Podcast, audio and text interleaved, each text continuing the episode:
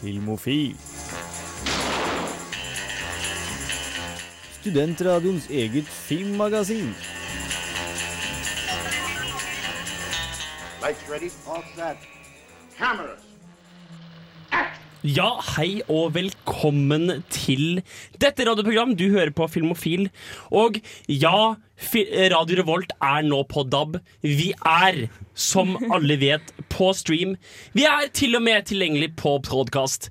Men det er antageligvis fortsatt svært lite sannsynlig at du hører på oss tilfeldig. Så velkommen her i kveld. I kveld har jeg med meg masse koselige mennesker for å underholde dine ømme og filminteresserte ører. Jeg har med meg Hans Ysternes. Jan Markus Johannessen. Trine Mogøy. Og Frida Hempel. Mitt navn er Henrik, og i dag skal vi snakke om ja, det stemmer. Sensurert film. Aller først skal dere få Ine Hoem med This December.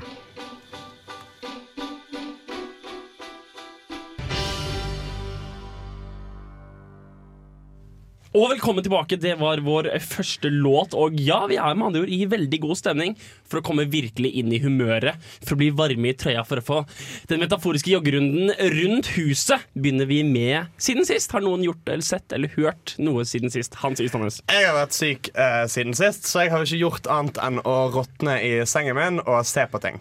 Så stort sett som vanlig, egentlig. Stort sett som vanlig, eh, bare at jeg ikke har vært ute av sengen uh, en del dager i strekk. Um, jeg har sett uh, The Americans, Ja. uh, TV-serien. Kjempegøy.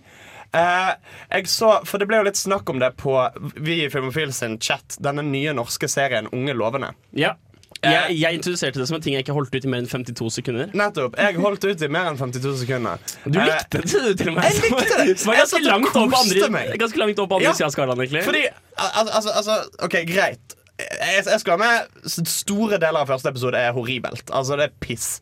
Eh, veldig sånn Å, nå skal vi være norske manusforfattere som skal skrive for ungdom, og det skal være så hipt og kult, og det skal være sånn kidsa snakker. Eh, men så blir det bedre. Altså, det virker som om eh, både skuespillerne og regissørene får, kommer seg litt inn, opp i varmen og på en måte klarer å, klarer å skrive i hvert fall sånn troverdig, lettbeint, vanlig dialog som virker liksom kult, og du begynner å bry deg om karakterene og hva de holder på med. Det er en veldig veldig tydelig rip-off av Girls. Um, Så dette er litt sånn en serie du kanskje kommer til å like sesong to og tre av. Og så ser du alt sammen, og så tenker du at vet du hva, sesong én har jeg egentlig ikke noe behov for å se på nytt. ja, kanskje det. Kanskje det. Eh, men men, men jeg, jeg, likte det, jeg likte det kjempegodt. Og av og til Av og til så blir det litt sånn Å nei, nå har de bare sittet og drukket vin og snakket sammen om alt og ingenting. Nå må vi få litt drama. Så det sitter litt sånn OK, er dere klare? Er dere klare? Og nå skal vi krangle! Og nå skal vi skrive manus, og nå skal vi skuespille, og det skal være så bra! På tide å skuespille, folkens! Ja, kom igjen! kom igjen Ja, for Jeg sjekka jo også dette her ut da linkene ble sendt i kryss og tvers på mm. den chatten. Og jeg slet med å, å tro på det, fordi nordmenn pratet sammen på et fly som ikke kjente hverandre før. Det skjer ikke. frem, fremmede nordmenn som samhandler. Nei, det Altså, skjer hvis det hadde ikke. sittet en gråtende fremmed kvinne ved siden av deg på et fly, Jan Markus, hva hadde du gjort? Jeg hadde tatt med meg de støyisolerende hodetelefonene og sett ut av vinduet. Det er det støy er. Ja, vet du hva. Frida, Trine, har noen sett noe, gjort noe? Har dere gjort noe for å gjøre dere fortjent til dagens program? Jeg har gjort noe. Å. Jeg har vært på kino. Ja! Oi! Ja! For en gangs skyld. Jeg og flere fra Filmvitt vi dro på kino. Vi bestemte oss for å se to filmer på to forskjellige kinoer. Det var Så koselig. Vi så Crimson Peak først, på Nova. Ja. Jeg skvatt altfor mye. Hvilken film var det igjen? Var det den skrekkfilmen til uh, Ja. Ja. Den var nydelig, den var kjempefin. Den hadde ikke akkurat så mye story-element, men den var veldig fin å se på. Var det den uh, Hans Ystadnes ikke ville gi terning til? Jens Erik. Jens Erik. Var det Ja, stemmer. Altså Nå gir ikke vi terninger til noen, da, så det sier Nei. ikke så mye. Men uh, Og så og så var jeg så Black Mass. Ja! Og Jeg likte den! du likte den, ja. Ja, men jeg liker sånn type film. Jeg liker at det tar litt, tar litt tid. Og Og så aldri skjer noe? ja. Litt, litt treig sånn. Det skjedde, kjempe- det skjedde jo litt av og til. Men det var litt sånn Jeg likte den for det. Var Men jeg Johnny lik- Depp bra? Ja. Jeg, var, jeg, var, jeg ble redd for Johnny Depp for første gang på en evighet. Han var ganske skummel. Det er jo innafor, det. Ja. Ja, nei, det er lov til å synes at Black Mass er bra, liksom. Jeg, altså, jeg, du tar feil. Men, men jeg mener Altså, Black Mass er akkurat like bra hvis du bare hadde holdt kameraet på Johnny Depp hele filmen. Forstår du? Hvis du bare kutter ut Ja. alle de andre scenene, kutter ut alt annet, og så bare følger Johnny Depp i en film, da hadde filmen vært like bra, om ikke bedre, for da hadde den vært enda mer Ja, ja, det hadde kanskje vært bedre hvis det var mer Johnny Depp i Nei, nei, filmen. Bare John Bare Depp. Johnny Lager ingen eksposisjon på de andre karakterene overhodet. De er bare inn og ut av, uten å få noen introduksjon i navnet eller noe overhodet. Kunne vi ikke laget en sånn der bottle-film hvor det bare er John Depp som er gangster, med seg selv i et rom? Han går rundt og raner liksom Han, raner, han går alene i en bank og bare raner banken og bare er gangster. Vet du hva, det tror jeg har vært en forbedring. Typ litt sånn I am legend, at han er den Ja. siste personen igjen. Og så går han rundt og raner, men det er ingen som stopper ham. For det finnes Og, ingen ja, og så blir det litt sånn referansegreier, fordi han spiller ah, Han begynner å bli sakte bli gal. Så han spiller en sånn litt merkelig pirat, og så spiller han en dude med sakser på hendene. altså, Vet du hva, Det var for bra til å ikke gjøre. Altså The Unified Johnny Depp Universe Ja. The Johnny Depp Cinematic Vet Universe. du hva? Vet du hva? Vi, må, vi, må, vi må ringe noen og pitche den ideen. I mellomtida kan dere høre på Karen i Harneshaug med For Our Love. I've been feeling kind of out of path. Life's been treating us well, so unkind. Er det ikke noe mer av låta? Høres ikke Det sånn er ut. sånn. Nei, Da får vi laget mer radio, da. Frida, hva har du sett siden sist? Jeg er jo gått inn i min eh, skal vi se, to uker, kanskje tre uker lang i fosterstilling akkurat nå. Eksamen? Jeg, ja, eksamen, som vi kan kalle det. Så da eh, klarer jeg ikke være spennende å se på nye ting. Altså, jeg har alltid litt problemer med å se på nye ting. Eh, jeg liker best å se filmer jeg har sett før. Ja, men Det er jo din rolle i det, det, er jo din rolle i det filmen, i den, i, den- hva skal vi si, samfunnet vi i programmet utgjør. Oi. Nei, ja, du ser på ting som ikke nødvendigvis er nytt. Familien. Ja, Den ja, lille kolonien. men Du har aldri vært lykkeligere enn når du så Stalker. Ja, nei, det var veldig fint. Men altså, eh, jeg ser aller helst ting som ikke engang er nytt eh, for meg. Ikke bare gammel film generelt, men gammel film inni mitt sinn også. Så nå eh, har jeg ro ved frem en skikkelig gammel en, og det var Monsterbedriften. Monster Inc. Monsters Inc. Pixar. Litt dårligere enn jeg husket, altså. Å? Ja, Oi! fordi jeg bare den er, den er veldig morsom. Jeg lo mye. Eh, for jeg har litt sånn skli på bananskall-humor. Men jeg merker at Pixar har på en måte tatt så mange steg i hvor komplekse de er med historiefortellingen sin. At på en måte, jo, du har Toy Story, og du har og det er veldig alvorlige aspekter i Monsters Inc. med dette far-datter-forholdet mellom Sullivan og Boo. Men Men det blir på en måte mest en jakt. Det er sånn, Nå løper vi hit, og så løper vi, og så løper vi, og så løper vi. Men bør du være så kritisk mot uh, å se ting om igjen, og at ting blir gammelt, hvis du skal drive og se ting om igjen? Nei. Godt pekt ut. Kan vi ikke alle bare legge oss i en boks og minnes filmene slik? Jo, men det, det er jo greia. Jeg så for eksempel Desperado. Som er han derre ikke, Ja. ikke Quentin Tarantino, Quentin Tarantino. Rodriguez. Og ja, Robert Rodriguez. Vi så han sammen, eh, Henrik. Det stemmer. Jeg hadde med meg eh, Hans Ystadnes. eh, og Robert Rodriguez ble jo Han lagde jo Altså Han lærte seg å, lage filmer bare med ett kamera og liksom uten noen ekstra folk. Så han lagde lyden selv og alt selv og klippet inn kamera og gjorde alt det. Og sånn, og sånn lagde han El Mariachi. Han tenkte vet du hva, jeg har tilgang på noen med buss, vet du hva, da er det en bussgreie. Jeg har tilgang på noen, jeg har tilgang på noen med en villa, ja, da bor bad guysa i en villa. Jeg uh, har en skilpadde, ja, men da må han selvfølgelig bære rundt på en skilpadde. Ja, ja. Uh, og, det, og det var liksom Robert Rodriguez-måten å lage film på. Uh, så han lagde El Mariachi. Og tenkte liksom at det her skal bare være en film jeg liksom bare viser til folk for å vise hva jeg kan gjøre. Og så sa et eller annet studio at ja, neimen fett, vi, vi, tar med til Cannes, vi tar med til Sundance. Han bare nei, nei, nei! nei, nei, nei, nei, dropp, vent, vent, stopp, stopp. Hvis jeg får litt penger, så kan jeg gjøre den mye bedre. Og de bare nei, nei, nei, vi liker denne. Og den vant jo, var det på Sundance den vant? Ja, sikkert. Og, og han, fikk da, han, fikk da, muligheten til å lage Desperado, hvor han da tok med Antonio Banderas og hva hun enn heter. Um, Selma Hayek. Ben. Hayek. Oh, ja. Og uh, Desperado er en kul film, altså. Ja. Det er en veldig Tarantino-film. Og blant annet ved det at eh, Quentin Tarantino kommer inn og er veldig Quentin Tarantino. og det er en veldig sånn, det er veldig sånn entusiasme over det filmen, og du merker det veldig godt. Har du, ja? Sånn er jo Rodriguez generelt, hvis man ser intervjuer med han. Han, han har så morsom tilnærming til film. ja? Og det, det, det er jo det som er så nydelig med Robert Rodriguez, at han går så jævla all out uansett hva han gjør. Altså for eksempel, altså, Når han lager The Adventures of Sharkboy and Lava Girl Så er ikke jeg noe sånn hø, hø, greit, jeg får noe assistentlyd. Han går inn for det! Han lager musikk. Han lager spesialeffektene sjøl. Han klipper sjøl. Han gjør alt. Og han gjør det med hele seg. Det er fantastisk. Og veldig sånn der god holdning til sånn ja, Vi skal ikke mobbe sånn her film heller. Altså, Sønnen min drømte om Sharkboy and Lava Girl. Altså, Så heldig jeg er som får lov til å sette den over til film. Det er på en måte aldri noe sånn ironi. det er faktisk et interessant poeng, fordi Tarantino, og i enda større grad Rodriguez-filmene, er veldig um, oversaturert. Altså at alt er veldig mye farger, og alt er veldig mye eksplosjoner, og alt er veldig tydelig. Men det er ikke noe egentlig selvironi ved dem. Jan. Nei. Jeg ser liksom for meg, Nå vet jeg ikke hvordan Rodriguez ser ut, men jeg ser for meg at han er Aune Sand, bare meksikansk. Kan, du ikke, altså. kan du ikke forklare referansen for de som ikke vet om Aune Sand er? Jordbærmusmannen. Ja, Aune Sand er en norsk eh, kulturpersonlighet som er ganske flink til å gi litt faen. Og Og lage litt det han selv vil lage. Dyp og litt sensuell stemme. Ja. Han, sn- han snakker veldig dypt. Her er det ingen av dere som har sett Ville du likt Frida har sett eh, Aune Sand live. Og er så fan. Vi skal ta og få høre litt hva Jan har å si. Ja, for jeg har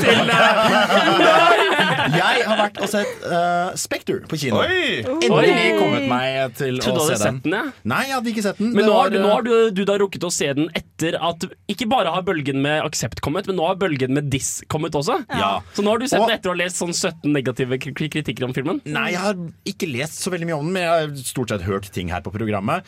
Og øh, sammenlignet med Den er ikke like bra som Skyfall. Det synes jeg ikke.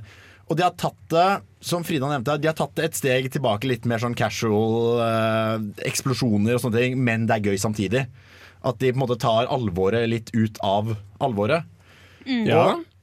Ja, jeg, jeg likte den. Det er ikke en dårlig film, men øh, jeg synes kanskje at min filmsmak uh, er litt for kritisk til det den er.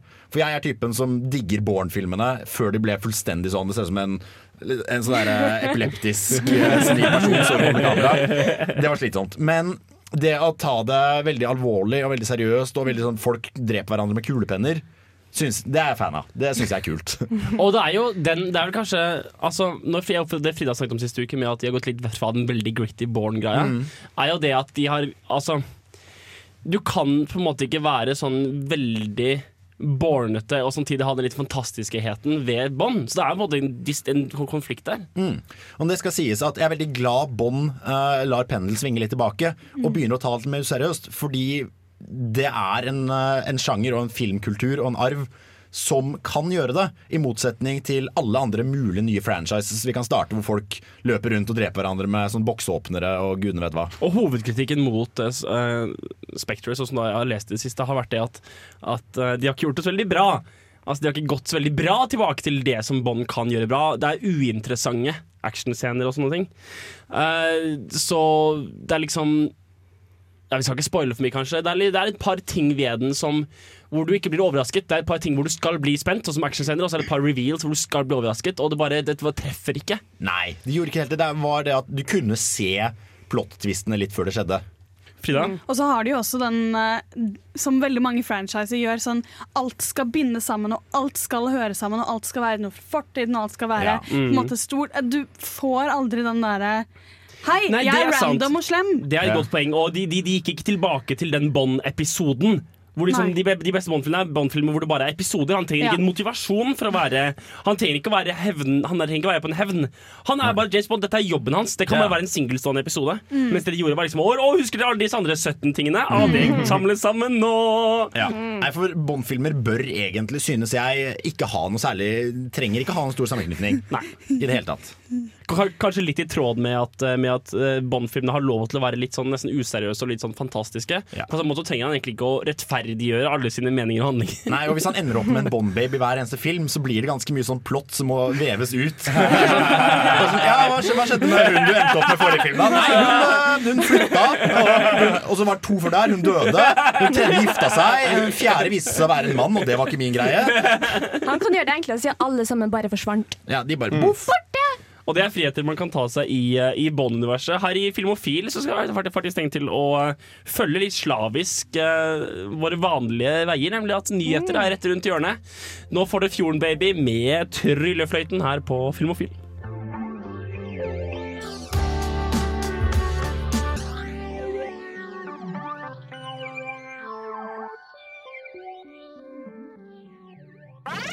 Filmofil gir deg nyhender fra filmen og fjernsynets i spanende verden. Og vi setter så fort som mulig over til vår nyhetskorrespondent Hans Ystanes. Hallo, Henrik. Eh, vi skal begynne med Robert Rodriguez, som du så fint nevnte. Eh, han har lagd en film med John Malkovich em, for å promotere en luksuriøs eh, konjakk som heter Louis den 13. konjakk. Som da har konjakk som har stått i 100 år. Eh, det er en film som angivelig Vi vet veldig lite om plottet.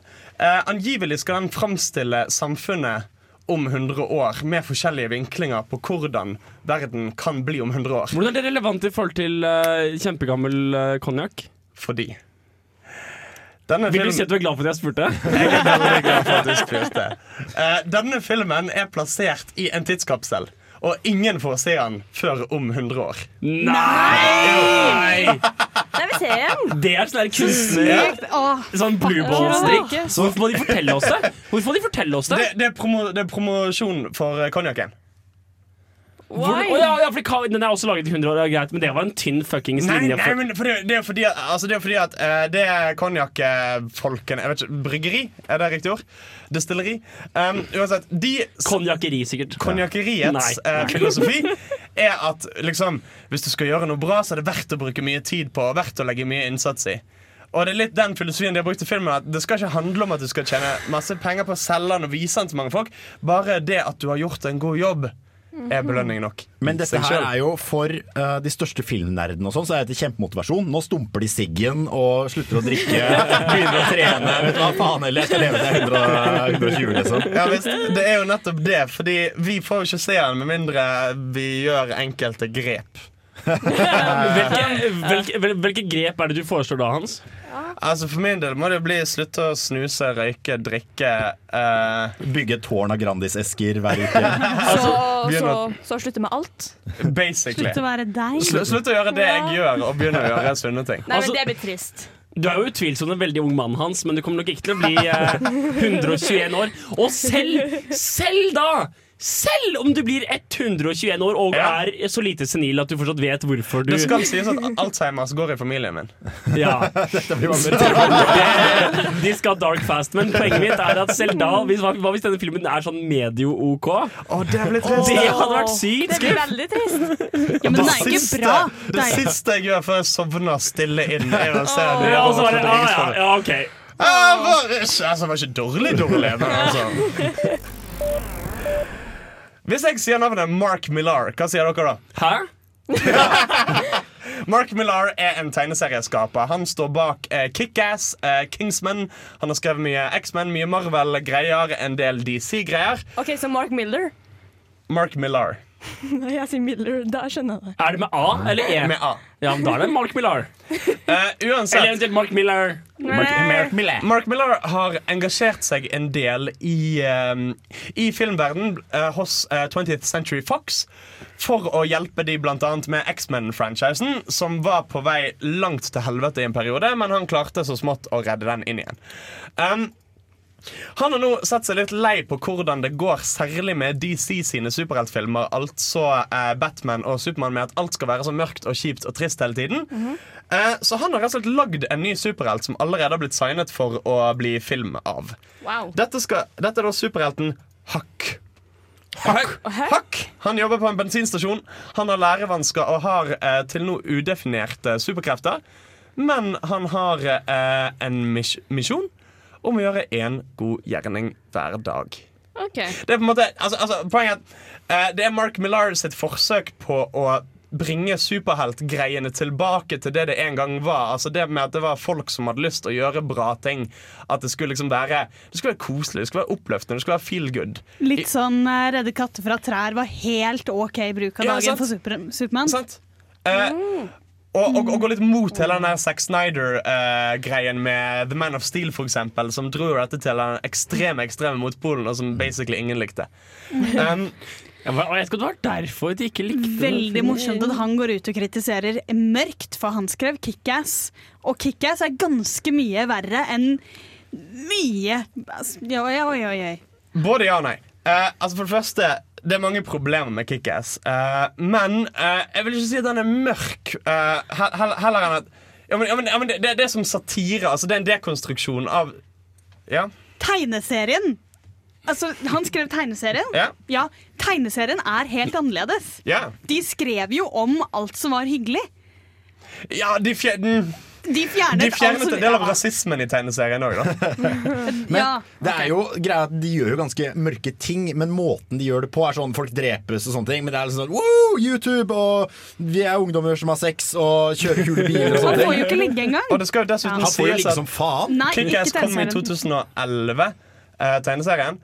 Og da var jo allerede denne greien med kjempe, kjempe mørke, dystre eh, superheltgreier eh, gått på vei. Altså I tegneserieverdenen har jo det eh, foregått siden 90-tallet. Um, men, men, men denne tingen var allerede blitt veldig symptomatisk for sjangeren uh, lenge. Så det at det fins i Kickass, kan nok ses på som en sånn Dette er noe jeg har fordi at det er noe som er i bransjen as we speak. Og så har, Han har jo også lagd Kingsman The Secret Service, som er jo veldig tøysete og gøy. Ja, fordi den unngår egentlig mange muligheter til å bli dyster. Den bare, å, alle dør! Ja, men nå skal vi ha analsex. Sant. Det blir dritbra. Så det blir kult. Vi tar begge nyhetsstikkene i ett nå, bare for å være mann. Nice. Jeg føler meg så maskulin. Um, Ok, Beklager. Eller dame.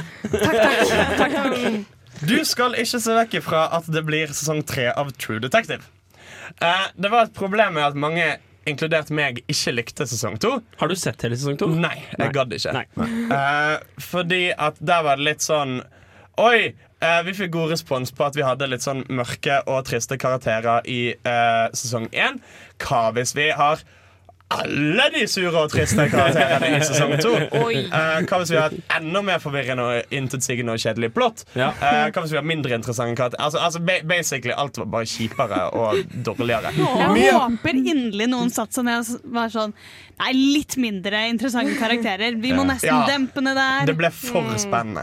Um, men mye av dette kan ha å gjøre med at uh, altså han som har skrevet True Detective, Nick Pizzalatto, hadde med seg en regissør som het Carrie Fukanaga, et eller annet, eh, i sesong én. Og de var veldig uenige om veldig mye. Altså True Detective sesong én oppsto som et resultat av uenighetene de imellom. Men i sesong to hadde han ikke med seg den regissøren, og han hadde mye mindre tid på seg enn han hadde hatt på sesong én. Så han dro litt sånn George Lucas. da At Endelig fikk han all makten, ingen til å holde han igjen. Og så gikk han til helvete. Nettopp. Eh, litt som Roger Waters sin solokarriere. Ja. Um, så det som er greien, da, er at eh, han eh, Pizza Lato han er nå signet til HBO in, fram til 2018. Og han skal jobbe en del på en, andre, en del andre småprosjekter, men på en måte hovedprosjektene skal være sesong tre av uh, True Detective. Han skal få bedre tid på seg. Han har òg fått liksom, muligheten fra HBO med sånn Du kan jo òg executive producer, og så kan vi finne noen andre som kan gjøre det, hvis du har lyst til å på en måte ta litt mer en tilbakelent posisjon i dette. Så det vi trenger i tillegg til at han får bedre tid, er jo da selvfølgelig en person som sitter og har fri tilgang til testiklene hans og gir Ja, ja. liksom sånn, Så. Nei, nei, det var det! Nei, ikke gjør det! Ikke gjør det! Det er akkurat det de trenger. Um, det skal komme en Tomb Raider-reboot. Ja. Uh, Endelig med Angelina Jolie. For det var det som gjorde den, den, den første bra. n- nei. Eller, eller jo, men ikke denne gangen. Nei, ok. Um, det som er spennende med den nye Tomb Raider-filmen, er at det har blitt annonsert hvem som skal regissere den. Og det Er er det veldig litt det var dødsgøy. Fordi hun var Um, den som gjorde første filmen bra. Jeg skal fortsette med den vitsen til det blir morsomt. Så om et par timer så kommer vi fortsatt til det. Um, den som skal regissere den nye Tomb Raider-filmen, er ingen ringere enn Roar Uthaug. Den norske regissøren bak Bølgen. Og Fritt vilt. Hæ? Er ikke dette kult? Jo, jo, jo, jo, jo. Jeg er målløs. Ja, Men det, jeg bare måtte se liksom for meg hva han hadde laget, og hva som var stilen hans. Det var, det var Han har en, veld, han har veldig, um, en veldig amerikansk stil. Filmene hans er veldig amerikanske. Altså Fritt vilt-filmen er veldig, veldig type slasher, eh, amerikansk horror. Um, Bølgen veldig amerikansk katastrofefilm, men likevel med et litt sånn norsk preg. Eh, I for eksempel kjønnsrollemønstre, eh, i dialog, i basic sosial sosialstruktur. Du merker at det er en fyr som har vokst opp i Norge og har sett amerikanske filmer. på en måte Men er ikke dette litt problemet veldig mye Hollywood gjør nå? Sånn, du var en god regissør som lagde den litt lille filmen din. Nå skal du lage den største filmen noensinne med Alle pengene! Ja, sånn, hvorfor kan det ikke Eller Kanskje siden han er norsk, da, så føles han selvfølgelig som en liten mann. Så da, Man vil at de skal bygge seg opp sånn at de blir bedre og bedre, i stedet for å plutselig stå midt i Hollywood og være sånn Det er et så interessant poeng. For det var akkurat det som skjedde med den siste nye Fantastic Four-filmen. Hvor Det var Chronicle! Det var Chronicle-regissøren. Chronicle-regissøren. Som lagde Chronicle, som er en kjempefilm. Fantastisk Veldig kul film. Ah, Eh, men en veldig liten film. Veldig lavbudsjettfilm. Og så plutselig Hei! Du får alle pengene i hele verden. Lag en Fantastic Four-film på eh, ja, et år. Er det, er det nok? Uh, og så ble det dritt. Ja, men der var det jo jævlig mye problemer i bakgrunnen også. Jo, men- da, så det er jo ikke bare derfor. Men det er jo halve det som er greia, at så lenge de er nye, så får de Ja. mindre makt over filmen. Og fordi det er så mye penger, så har du så mange som står over og er sånn Nei, ikke gjør sånn, ikke gjør sånn. Og de kan ikke ennå navigere i det Hollywood-systemet. Er det et valid argument Den greia med musikkargumentet om at det første albumet til en artist alltid er den beste fordi de har hatt ti år på å gjøre det? Mens det andre albumet kommer de bare til å ha ett år på å gjøre, så da blir det mye verre? Nei, det er ikke et valid argument, for det blir også bedre og bedre. Altså, Jo, men- du jo, har men hvis kanskje ti år på å skrive fra du er ti til du er 20, men du du- var også 10. Jo, jo, men hvis du har liksom fem år på å perfeksjonere din, din indre bilde av hva Chronicle DC skal være, og du har liksom, dette er nøyaktig det skal være, så du blir liksom stålsikker på hva din indre visjon er, så det er veldig lett som, uh, som eh, regissør å realisere den visjonen. Mens hvis du bare har ett år og ti millioner kroner til å, til å lage neste film, så er det sånn ah, nei, jeg vet ikke helt hva jeg vil gjøre. Og hvis visjonen til regissøren er jævlig uklar og ikke satt i stein, så blir naturlig nok filmen litt skeit. Det er jo litt samme greie som skjer akkurat nå med Mad Max. Fordi yeah. den nyeste Det var jo først tre Mad Max-filmer, og så var det en kjempelang pause. Hvor det nå kom ut en nye i 2015. Og der er de jo allerede signa opp for en oppfølger. Men greia er at den nye Mad Max-filmen som de jobbet med nå, satt jo han liksom og drodlet på servietter i 20 år Ja, ikke sant? før den kom ut. Og nå kommer det en ny gjennom to år, så du må liksom komprimere all den kreativiteten Ja. da, og alt sammen ned til et lite, bitte lite tidsrom. Men på den annen side, det, ut fra det argumentet så ville jo alle debutfilmene vært den beste filmen eh, alle regissører lager, og det Ja. er det ikke. Nei, men Det er egentlig mer et argument for å beskrive hvordan en første dritbra film kan bli til en mye dårligere film når den, den fantastiske regissøren får oppdraget å lage en ny film. Det kan beskrive det tilfellet. Ikke alle tilfeller, men det tilfellet. Fantastisk liten film, drittdårlig I det storbudsjettfilm. er visst ganske vanlig med eh, sånn independent-film, så har du veldig mange sånn store enfilmsfolk. Ja. Fordi de lager en og liksom bestemmer litt selv, Ja, så ja. kunne det ikke oppskaleres. Nei. Nei. Nei. La oss, uh, vil du ha en siste siste nyhet, Hans? Har du noe som du må få, få, få beskrevet? Få ut? Jeg har litt gøy en. Ja, for det. Pling meg. Veldig. Det er godt mulig at Top Gun 2 endelig blir noe av. Har vi ventet på det? Jeg var, jeg var ikke, Det har vi ventet jeg var på. Jeg var ikke, jeg var ikke bevisst til at jeg gikk rundt og ventet på det. Jo da, det har vært uh, på ryktebørsen lenge. Det som skjedde var at Fyren som regisserte Top Gun 1, uh, uten at jeg husker hva han het, døde for ikke så altfor lenge siden. Uh, Og da kasta de seg rett på muligheten. Merkelig nok, ja. Um, det som har skjedd, da, er at uh, Val Kilmer, som spilte Iceman Ja. i uh, Top Gun Han er nå blitt Maverick. Og det, og, og, og det lampshader de på en skikkelig merkelig måte. Nei, men han ble tilbudt rollen som Iceman i Top Gun 2. En skikkelig gammel Iceman. uh, så det som skjedde da, var at han postet på det Og han, han, han, han postet det på Facebook og var litt sånn Altså Dette er et av de tilbudene du ikke sier nei til, selv om du ikke vet noe som helst om det. Etter at Tom Cruise har sagt nei til det i sånn to år. Altså, men det, sånn han formulerte det, var sånn Altså, Francis Ford Coppola. Ja! Altså, uh, Johnny Depp. Ja! Og så bare folk Hæ? Skal Francis Ford Coppola og John Depp være med? Og bare, «Hæ? nei, nei, det var eksempler på ting du ikke sier nei til. Altså, men det som er tilfellet, er at Jerry Bruckheimer, som produserte Top Gun 1, og som skal produsere Top Gun 2, har sagt eh, tidligere at Top Gun 2 ikke kommer til å skje uten Johnny Depp. Um, Johnny Depp? Snakker med hvem er det jeg mener? Tom Cruise? Tom Cruise er det jeg mener. Fordi jeg er helt enig i at Top Gun 2 ikke bør skje uten Jeg er helt enig, jeg bare ser ikke liksom. Jeg mente selvfølgelig uh, Tom Cruise. Ja vel, så Eh, det, det, det, nyheten er Top Gun 2 er litt nærmere å skje. Val Kilmer er teit. Ja, men, men, men, men, men også bekrefter at dette er nå på vei. Han har fått et offisielt tilbud om rollen og, og har takket ja.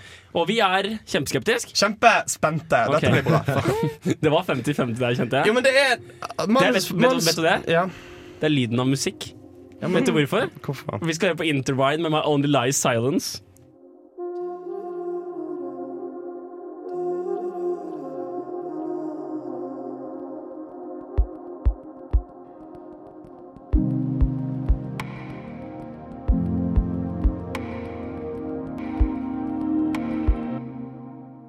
Radio på Radio Revolt. Vi har vært og anmeldt en film, eller mer spesifikt Frida har ikke vært og, ikke vært og anmeldt en film.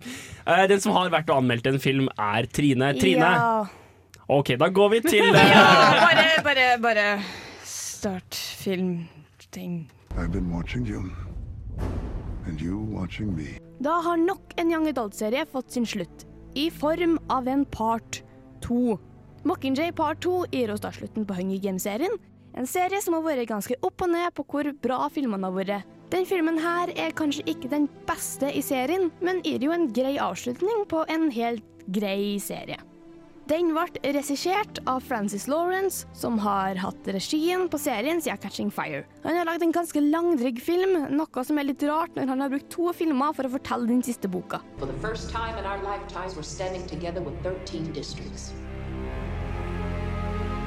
Our future starts tomorrow at dawn. When we march together into the capital.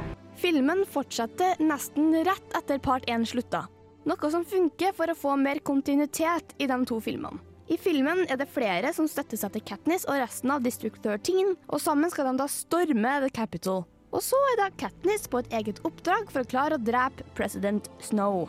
Handlinga er ganske flink til å følge boka, sjøl om det er småting som jeg som bokleser gjerne kunne tenkt å se på storskjermen, men som jeg skjønner er kutta fordi tid og penger. Mest sannsynligvis. Den fortsetter med det mørke temaet som part 1 starta opp. Den følger da mer eller mindre det mørke og gritty som er veldig inn nå for tida. Gjerne for young adult-serier. Ladies and gentlemen, welcome to the 76th Hunger Games. En av filmens feil er nok at den fort kan bli litt lang og dratt ut til tider. Noe som er litt merkelig, siden den som sagt har fått to filmer til å forklare en story som fint kunne ha blitt pressa inn i én film. Det er jo egentlig ikke så mye filmen gjør gæli. Den er rett og slett ganske Nei, den er, den er ikke dårlig, men er jo ikke sånn spesielt bra heller. Så du kan sitte igjen med en følelse av at du ikke helt vet hva du skal tro om den. Du vet ikke helt om den er bra, og du vet ikke helt om den er dårlig. Den er noe midt imellom. Noe som er ganske trist, er at det her var en av de siste rollene Philip Seymour Hoffman spilte inn før han døde. Og han ser egentlig bare ganske sliten og lei seg ut i de få scenene han er med i. Our lives were never ours. They belong to Snow, and our deaths do too. Men filmen gjør jo en del elementer bra. Skuespillet i filmen er egentlig ganske fenomenal. Jennifer Lawrence spiller igjen en ypperlig Katniss Everdeen. Donald Sutherland spiller også fantastisk som President Snow. Han har generelt vært en drivkraft i serien, og denne filmen var ikke et unntak. Julianne Moore spiller igjen rollen som president Alma Coyne, som har spilt i part 1. Hun gjør en fantastisk jobb med denne karakteren. Du er ikke helt sikker på om du liker eller hater, som gir en dybde til karakteren som det er få andre karakterer i den filmen her som har. Det er også mange minneverdige scener som sitter igjen hos deg resten av dagen, og du kommer kanskje til å sette litt mer pris på dem om du har lest boka. Bare for å få sett de øyeblikkene hvor du måtte bla tilbake igjen i boka og bare vent, vent, vent, vent, vent. Skjedde her? Ja, OK, uh, hva gjør jeg nå? Bare sånn at du kan få se det på storskjerm, og få hjertet ditt revet ut én gang til. Tonight, turn your weapons Capitol. Turn your weapons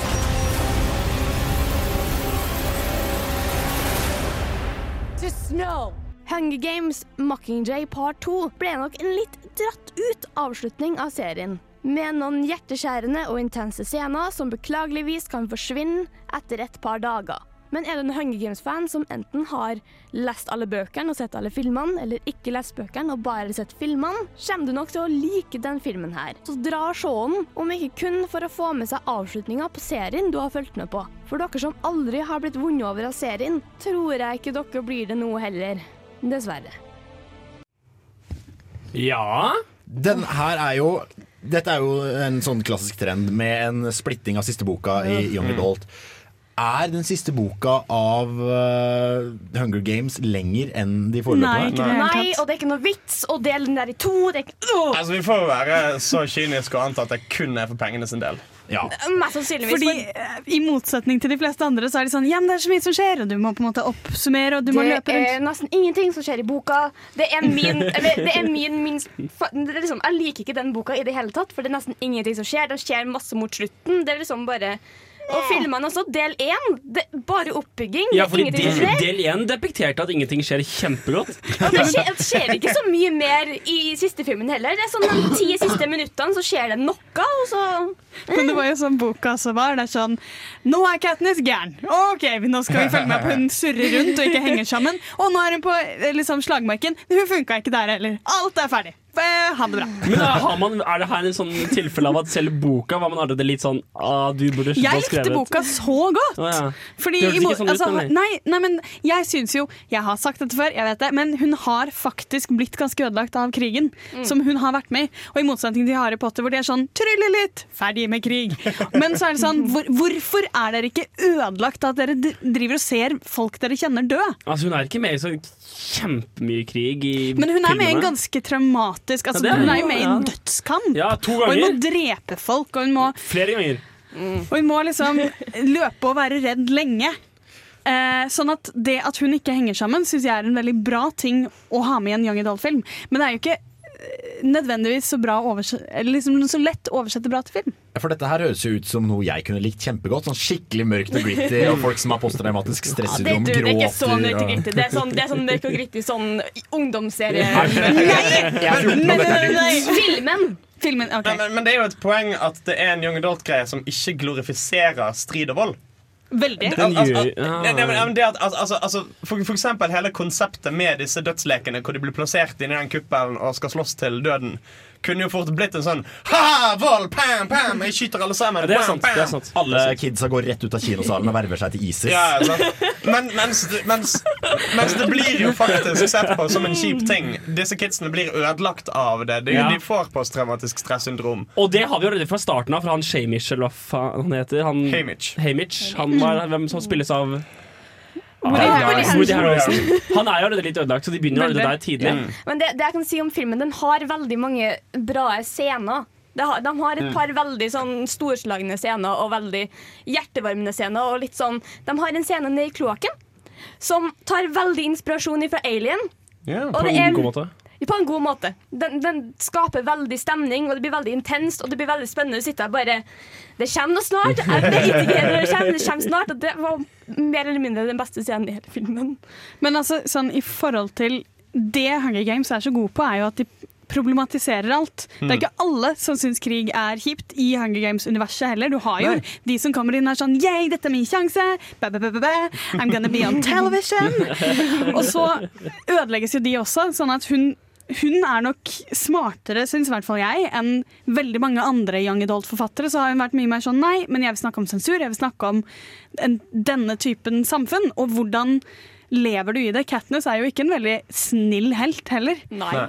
Og det er jo en ganske fantastisk film, eh, nei, ting disse filmene gjør, eh, som er sånn La oss plukke ut dritgode skuespillere Ja. og få med dem.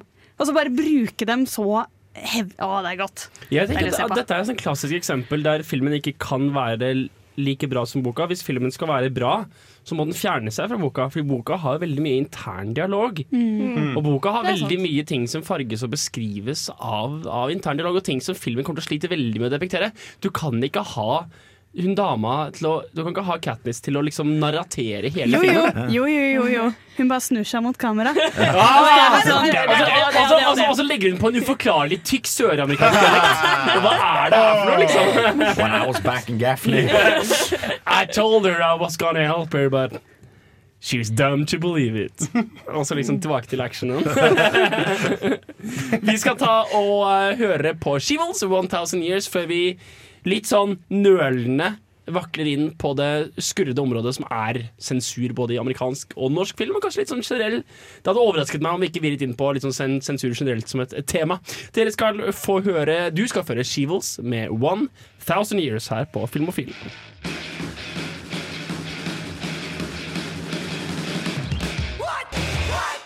Sensur i film. Film er kunstmedium. Eh, bare slapp av, alle sammen. Trine blar opp. Oi, oi. Ja, fordi film er et, et kunstmedium. Kunst eh, Det kan være et kunstmedium, det kan også være et pornografimedium. Eh, I den grad film er eh, kunst, så reflekterer det en sannhet, en virkelighet. Eh, viser oss noe som vi kan ta videre, eventuelt noe som utfordrer oss. Og dermed vil det være noen ting som ikke er kanskje helt innafor, fordi det er eksperimentering. Jeg synes f.eks. ikke at uh, det er greit at Politiskolen fikk uh, syv episoder. Men Du, du ville sensurert fra episode tre utover. Det gjelder for så vidt også Mockingjay part one, når vi først er inne på det. Um, hvorfor skal vi snakke om sensur? Hva er det som, hva er det som gjør det uh, interessant for oss i Filmofil? Altså, det, det, er jo, det er jo en inngripen i hva vi kan skape, og hvor en, altså hvor en makthavende, et makthavende organ eller eh, en stat eller myndighet sier at dette skal ikke folk se. Eh, basert på en eller annen oppfatning av at eh, enten så vil det være skadelig for folket, eller det kan eh, oppildne til eh, revolusjon, eller hva som helst av en årsak, men at en tenker at dette kommer til å påvirke folk i en måte jeg ikke har lyst til at de skal bli påvirket i. Altså om det da kan være altså I, i tilfeller som Norge og Australia og New Zealand og en del steder, så er det ofte i en litt sånn overformyndende grad. Litt sånn 'Å nei, men dette er for voldelig og angstfremkallende og ubehagelig'. Eh, dette har ikke folk godt av å se. Eh, og til det blir sånn eh, for eksempel at selvfølgelig The Interview er forbudt i Nord-Korea fordi at eh, de er redd for at det kan eh, gjøre at folk ikke syns Kim Jong-un er kul. Er det noe som er lov i Nord-Korea, må man jo bare legge til der. Jobbe i saltgruvene for Store Sol. Har- Vår leder, vår store Sol er kul, er en, en TV-serie altså antar jeg, som går, eh, som går hver kveld eh, på, på Statskanalen, eller på TV, som det også heter. Nord-Korea har faktisk verdens lengstgående kontinuerlig humorserie. Som heter That's So Funny, oversatt til engelsk, da, selvfølgelig, for det fremføres selvfølgelig på koreansk. Ja, Nei. nettopp. Takk, takk. Eh, og det er selvfølgelig da Jeg leser på Wikipedia humor ispedd propagandaelementer. Vi hadde ikke forventet noe annet.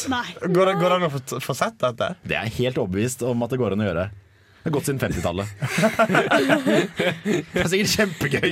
Det som er gøy med sensur, det er med dette overformyndende Et, et, la, la, ja. la oss si det som det er, et makthavende organ, Jo, men- som jeg likte veldig godt. Jo, men ofte så er det jo et tilsvar på sånne grupper som kommer inn og er sånn 'Dette er skadelig'. Ofte. La oss ikke eh, snakker rundt grøten her. Ofte religiøse grupper. Mm. Eller, eller foreldregrupper, for for foreldre suger. Mm. Eh, kommer- Speaking as a mother. Think of the children. Så er det jo ofte et svar på noen, noen eh, tendenser i folket. Mm. Så det er jo interessant å se på hva som har blitt sensurert før. Fordi det sier så mye om hva trodde vi om hverandre før. Ja, Og hva sensurerer vi i dag? Hva tror vi om hverandre nå? For eksempel så har jo jeg skrevet ut en lang liste med alle filmer som har vært forbudt i Norge. Og der er det blant annet ganske tidlig uh, Nosferatu.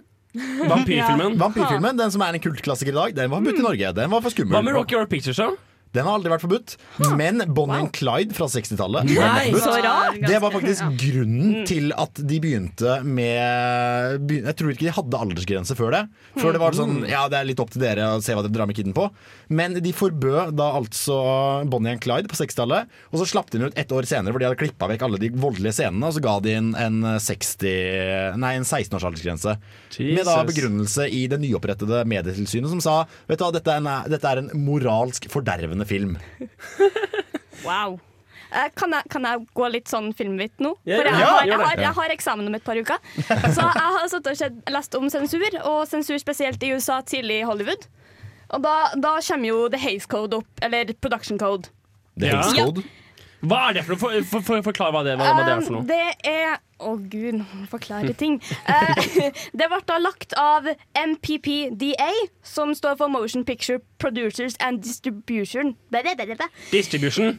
Distribution. Distribution. Trønder- Trønderdialekter kommer fram. Ja. Distributors of America. Ja. Som da var lagd av flere studio i eh, filmstudioer i Amerika. Mm. For å liksom klare å de, de skulle starte med å unngå sensur. Ja. Det eh, Som- Og det gikk helt feil. Nei, de gjorde jo, det var jo en god idé at folk var sånn «Ah, Levende bilder! Hva kan, hvordan vil ikke Ja. folk reagere på dette her? Ja, ja, ja. Og så er de sånn slapp av, vi lager en gjeng, og de skal passe på, sånn at myndighetene kan holde seg utenfor. Yes. Og så vokste de litt i makt, og så back to three. Så, så de kommer liksom med don'ts and be carefuls. Så bare sånn, Ikke gjør det her, men vær forsiktig med hva du gjør med det der. Ja, få høre, få høre. Eh, det, er litt, det er litt forskjellig. Det er litt sånn, de får, du får ikke lov til å vise uh, hvit slaveri. Det var ikke lov. Uh, det var ikke lov med illegal traffic in drugs. Det var ikke lov i det hele tatt. Det her, som er ganske greit, uh, children's sex organs, det syns jeg egentlig Ja. bare kan Det var på Dus eller på Be Careful? Nei, det var på Dons. Ja, Det ja, var på. Dons. Det var på hver eneste film skal ha minst fem barnekjønnsorganer. Og så på, på Be Careful så står det liksom rape or attempted rape. Uh, Ja. the sale of women or of a woman selling her virtue. Ja. Og litt forskjellig. Men altså, la oss, la oss, la oss altså, film, filmsensur begynte i Amerika, eller? eller? Nei, de gjorde jo ikke det. Det var jo litt forskjellig over, Det var forskjellige ting overalt, men det er liksom bare Altså, Begrepet sensur er jo eldre enn film. På en Ja. måte. Ja, det var derfor, det var derfor jeg spurte. Filmsensur begynte kanskje Så filmsensur begynte vel med at film kom, og noen tenkte Oi, dette er enda en ting vi ikke liker. Men eh, du har jo også f- eh, Hollywood var jo et senter for film. Så det er jo naturlig at der blir det problematisk, men sånn bort på Gjøvik så får de annethvert år så får alle sammen gå og se på levende bilder, og så kan de være sånn yeah! Men du får ikke samme behovet for å f eh, følge med på hva en business driver på med.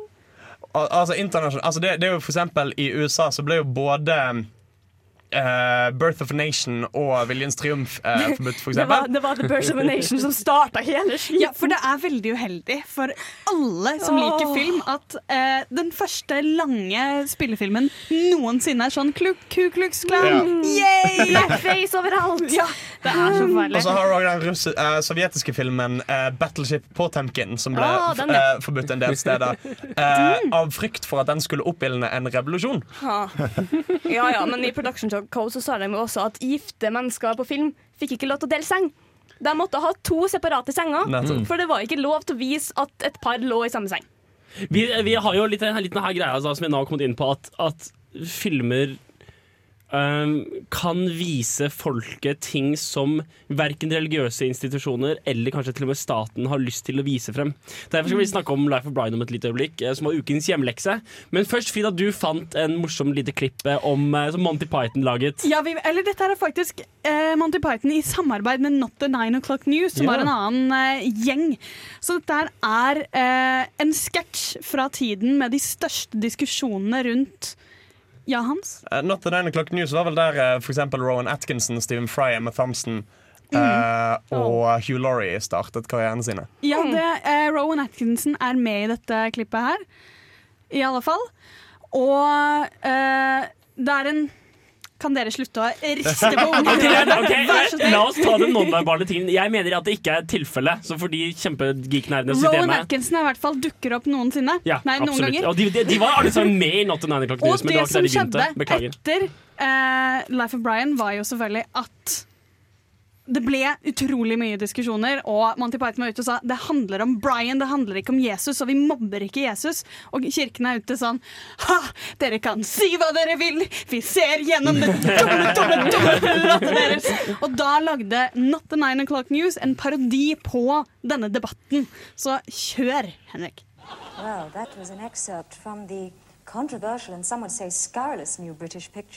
The General Synod's Life of Christ. the film deals with the rise to fame and greatness of a humble carpenter's son named Jesus Christ. But many people have seen in the film a thinly disguised and blasphemous attack on the life of Monty Python. Now, Alexander Walker, what did you think of the picture? Well, I was, I was appalled. I mean, I actually find it deeply offensive that in a country that is still ostensibly a python worshipping country, that a 14 year old child can actually get in to see this.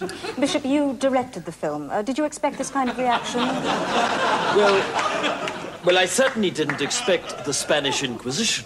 I did direct the film, and I feel as though I must emphasize at this stage that it is not about Python. Oh, come on. I'm not a Pythonist. I'm not a Pythonist myself, but obviously I have a tremendous amount of respect for people like Alexander who are. Oh, come And I- now. now. Come now, Bishop. I mean, the leading figure in this film, what is it?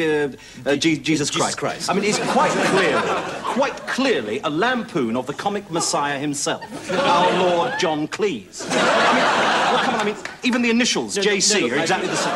The Christ figure is not clean. Oh, come on. No, he's just an ordinary man who happens to have been born in Western Supermare at the same time as Mr. Cleese. Jonathan, you No, know no, as well no, as I he is do, the mistaken. He is mistaken for the comic messiah I'm himself sorry. by vast crowds of people who follow him about, doing silly walks, um, shouting, shouting "No, no, not the comfy chair," and other slogans from the good box. No, I'm. s- And this film is a highly distasteful one.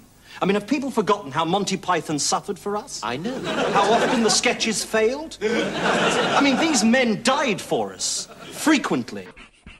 Ukens hjemmelekse. Ja, og som forrige stikk vi hørte, som forrige klipp vi hørte, så er altså ukens hjemmelekse The Life of Brian. Uten det. Life of Brian. Det er eh, Monty Python sin mest eh, berømte, mest eh, Skal vi si eh, hyllede ved siden av eh, The Holy Grail. Og i hvert fall omdiskuterte. Ja, og det er grunnen til at vi tar det opp, er fordi den ble da sensurert i Norge når den kom ut. Mm. I ett fordi år. den da helt åpenbart depekterte eh, De har Jesus. jo Jesus med i filmen. Det har alltid Ja, det er irritert altså- meg sånn.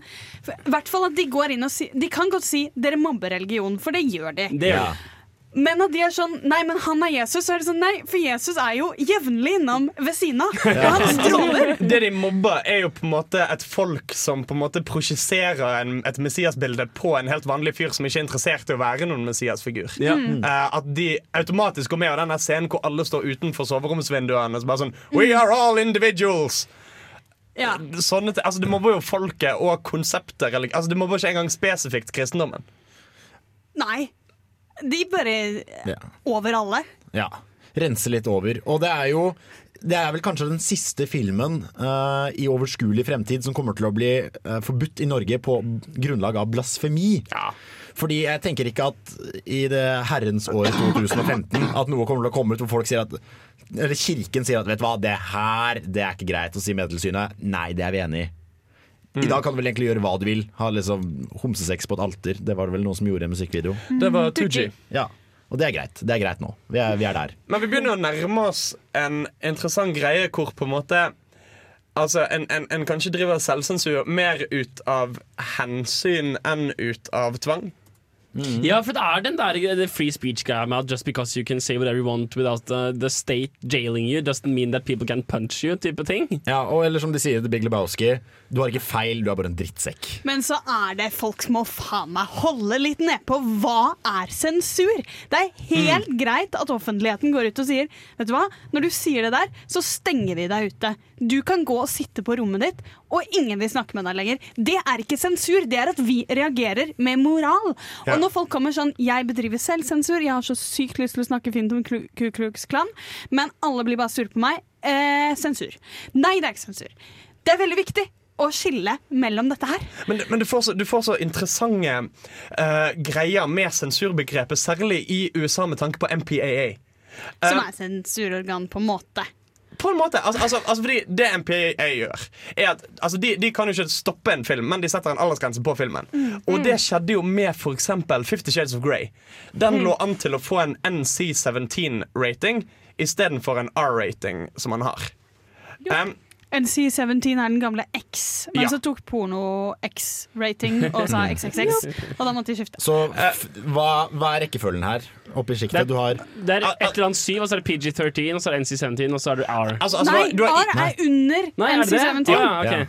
Um, og så har du PG13 er vel under R igjen. Det er sånn Ja. Avengers og sånn. Parental guidance. Uh, Da kan, da kan du si fuck én gang. Og der, ja, der legger de seg jo lavt nede for å kunne tjene inn nok Det er nettopp det, for Ja. Hovedpoenget er at hvis du får NC17-rating på filmen din i USA, så kan du ikke vise reklame for den Mm. eh, på Ah. kino. Så da får de ingen penger. Det er nettopp det, det kommer til å gå drastisk utover salgene. Så det vil si at blant annet Fifty Shades of Grey og mange andre filmer eh, toner ned de eh, eksplisitte greiene i filmene sine nettopp for å unngå disse ratingsene.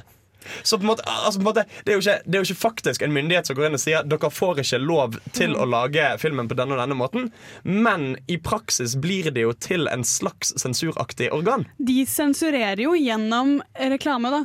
De, reklamen deres blir jo sensurert, så de, du kan jo si at de faktisk får sensurkonsekvenser, selv om filmen kan fortsatt vises. Jo, men, jo, men, det, er, men det er jo markedsbestemte uh, sensurgreier i så fall. Altså, det er jo ingen, det er jo ingen stat som sier at dere sant. får ikke lov å ha til dette. De sier hvis MPA sier at dette får en NC17-rating, så kan ikke vi vise den i kinosaler, fordi at da går vi etter at det er skadelig for kids Barn. som kan sitte i salen osv.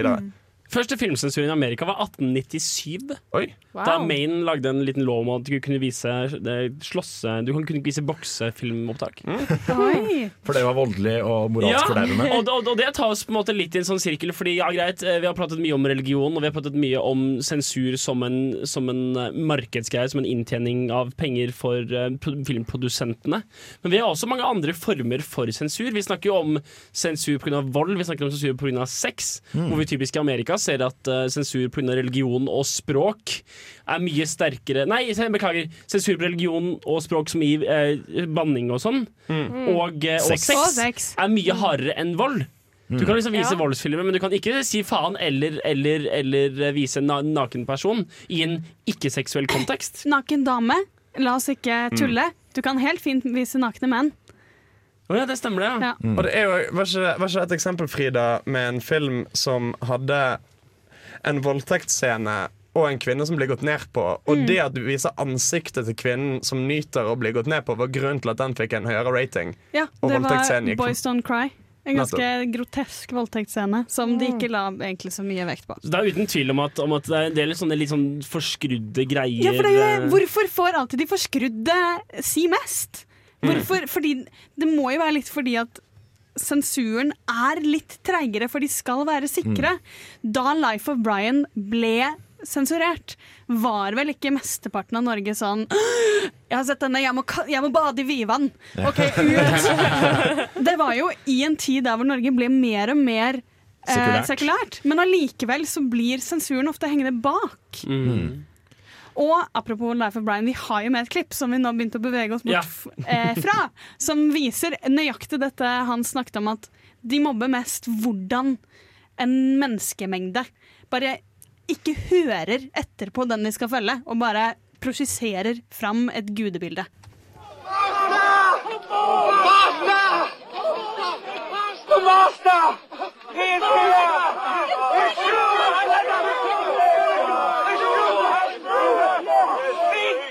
Speak to us, master! Speak to us! Go away! A blessing! A blessing! How shall we go away, master? Oh, just go away! Leave me alone! Give us a sign! He has given us a sign! He has brought us to this place! I didn't bring you here! You just followed me! Oh, it's still a good sign by any standard! Master, your people have walked many miles to be with you. They are weary and have not eaten. It's not my fault they haven't eaten. There is no food in this high mountain. What about the juniper bushes over there? A miracle! A miracle! He has made the bush fruitful by his word. They brought forth juniper berries. Of course they brought forth juniper berries. They're juniper bushes. What do you expect? Show us another miracle. Do not tempt him, shallow ones. Is not the miracle of the juniper bushes enough? I say, those are my juniper bushes. They are a gift from God. They're all I've bloody got to eat. I say, get off those bushes. Go on, clear off, love you. Lord, I am affected by a bold path. I'm healed. The Austrian healed me! I didn't touch him! I was blind and now I can see! Unbelievable! Unbelievable! Tell them to stop it! I haven't said a word for 18 years till he came along! Unbelievable! He is the Messiah! He hurt my foot! Hurt my foot! Hurt my foot! Hail Messiah!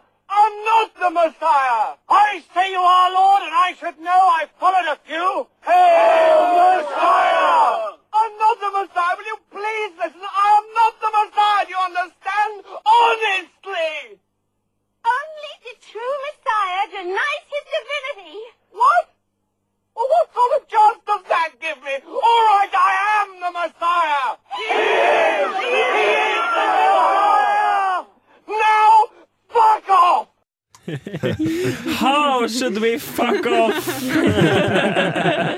hva, hva, altså, hvor skal man gå etter der? Den ble sensurert i Norge. Den er det ikke fortsatt sensurert i Norge? Nei, nei. det varte bare ett år, og den var ikke sensurert i Sverige, så de reklamerte da med at den er så morsom at de sensurerer den i Norge. Kom over grensa og se den her. stemmer, det. Vi skal snakke litt mer om hvilke filmer som er eh, sensurert, og hvorfor. Men først skal vi høre The Max med Snart blir det shuffle.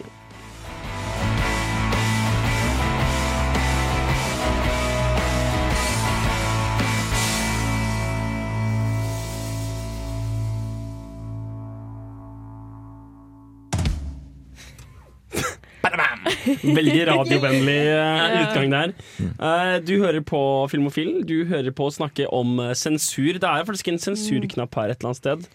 Skal se om jeg finner den. Eh, hva, hva var det vi skulle snakke om? Nå må vi jo snakke om litt flere filmer som Norge har sensurert. Mm. Og ja, Jan Markus. Og jeg gjorde litt metaanalyse på filmer som var sensurert, og det var veldig mange som ble sensurert rundt skiftet 70-80-tallet. Sånn 79, 80, 81. Da hadde de hatt oppe en liten sånn hippie-revolusjon, så nå Ja. måtte de bare legge lokk på det igjen, Ja. tror jeg. Norske mediesyn fant ut at vet du hva, nå må vi slutte. Da var jo da, blant annet da Life of Brian ble sensurert. Og det, de sensurerte masse Bruce Lee-filmer fordi det var rett og slett for voldelig. Folk døde, og det var, det var groteskt. Det Kunne ikke vise sånn. The Chain, Texas Chain Nei. Texas Chainsaw Massacre 1 og 2 ble sensurert. Robocop 2 har blitt sensurert. Evil Dead 1 og 2. Evil Dead 1 og 2 ble sensurert. Men det er vold alt sammen, da. Alt ble sensurert på mye, Mye vold. mye på grunnlag av vold. Og det er jo filmer som blir sensurert nå i dag pga. vold også. Hva var den het? Den derre Serbian-film. Ja, Serbian-film. Mm. Og den Det er helt greit. Ja, men der Jeg kommer liksom diskusjonen. Skal vi si at skal vi si at alt er greit, fordi vi liksom kan ikke tvinge noen til på sånn litt liberalistisk synspunkt? Burde alle selv få velge om de skal få se en ting eller ikke? Det er vel mer sånn burde norske bedrifter bruke penger på å distribuere ting vi ser på som moralsk forkastelig? Ikke sant? Altså, det, Ja. det, er ikke, det er ikke vanskelig å få tak i en Serbian-film. Nei. Du kan få ta, hvis du sitter på internett, kan du få tak i den. Du kan sikkert kjøpe den på Amazon også. Det er ikke som Tollvesenet kommer til å stoppe den fordi den er sensurert i Norge. Så det er mer, det er mer sånn Spesialstyrken møter deg på døra di. Få den sjuke jævelen i bakken! ja, hvis vi, vi Altså, men jeg vet ikke Altså, Tvilsom pornografi er jo oppfulgt av politiet. Ja.